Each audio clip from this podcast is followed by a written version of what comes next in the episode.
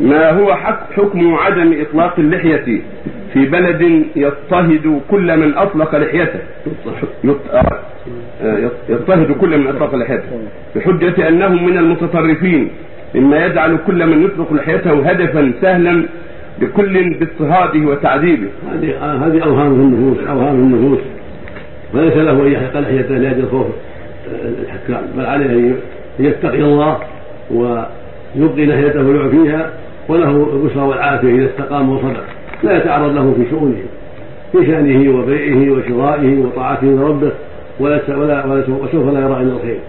فإذا قهروه وحلقوها هم لا يضره ذلك يكون الاثم عليه أما ان يقال احلقها أنا لأن لا يأخذوني هذا من وساوس الشيطان ومن ضلال الشيطان نعوذ بالله من طاعة الشيطان.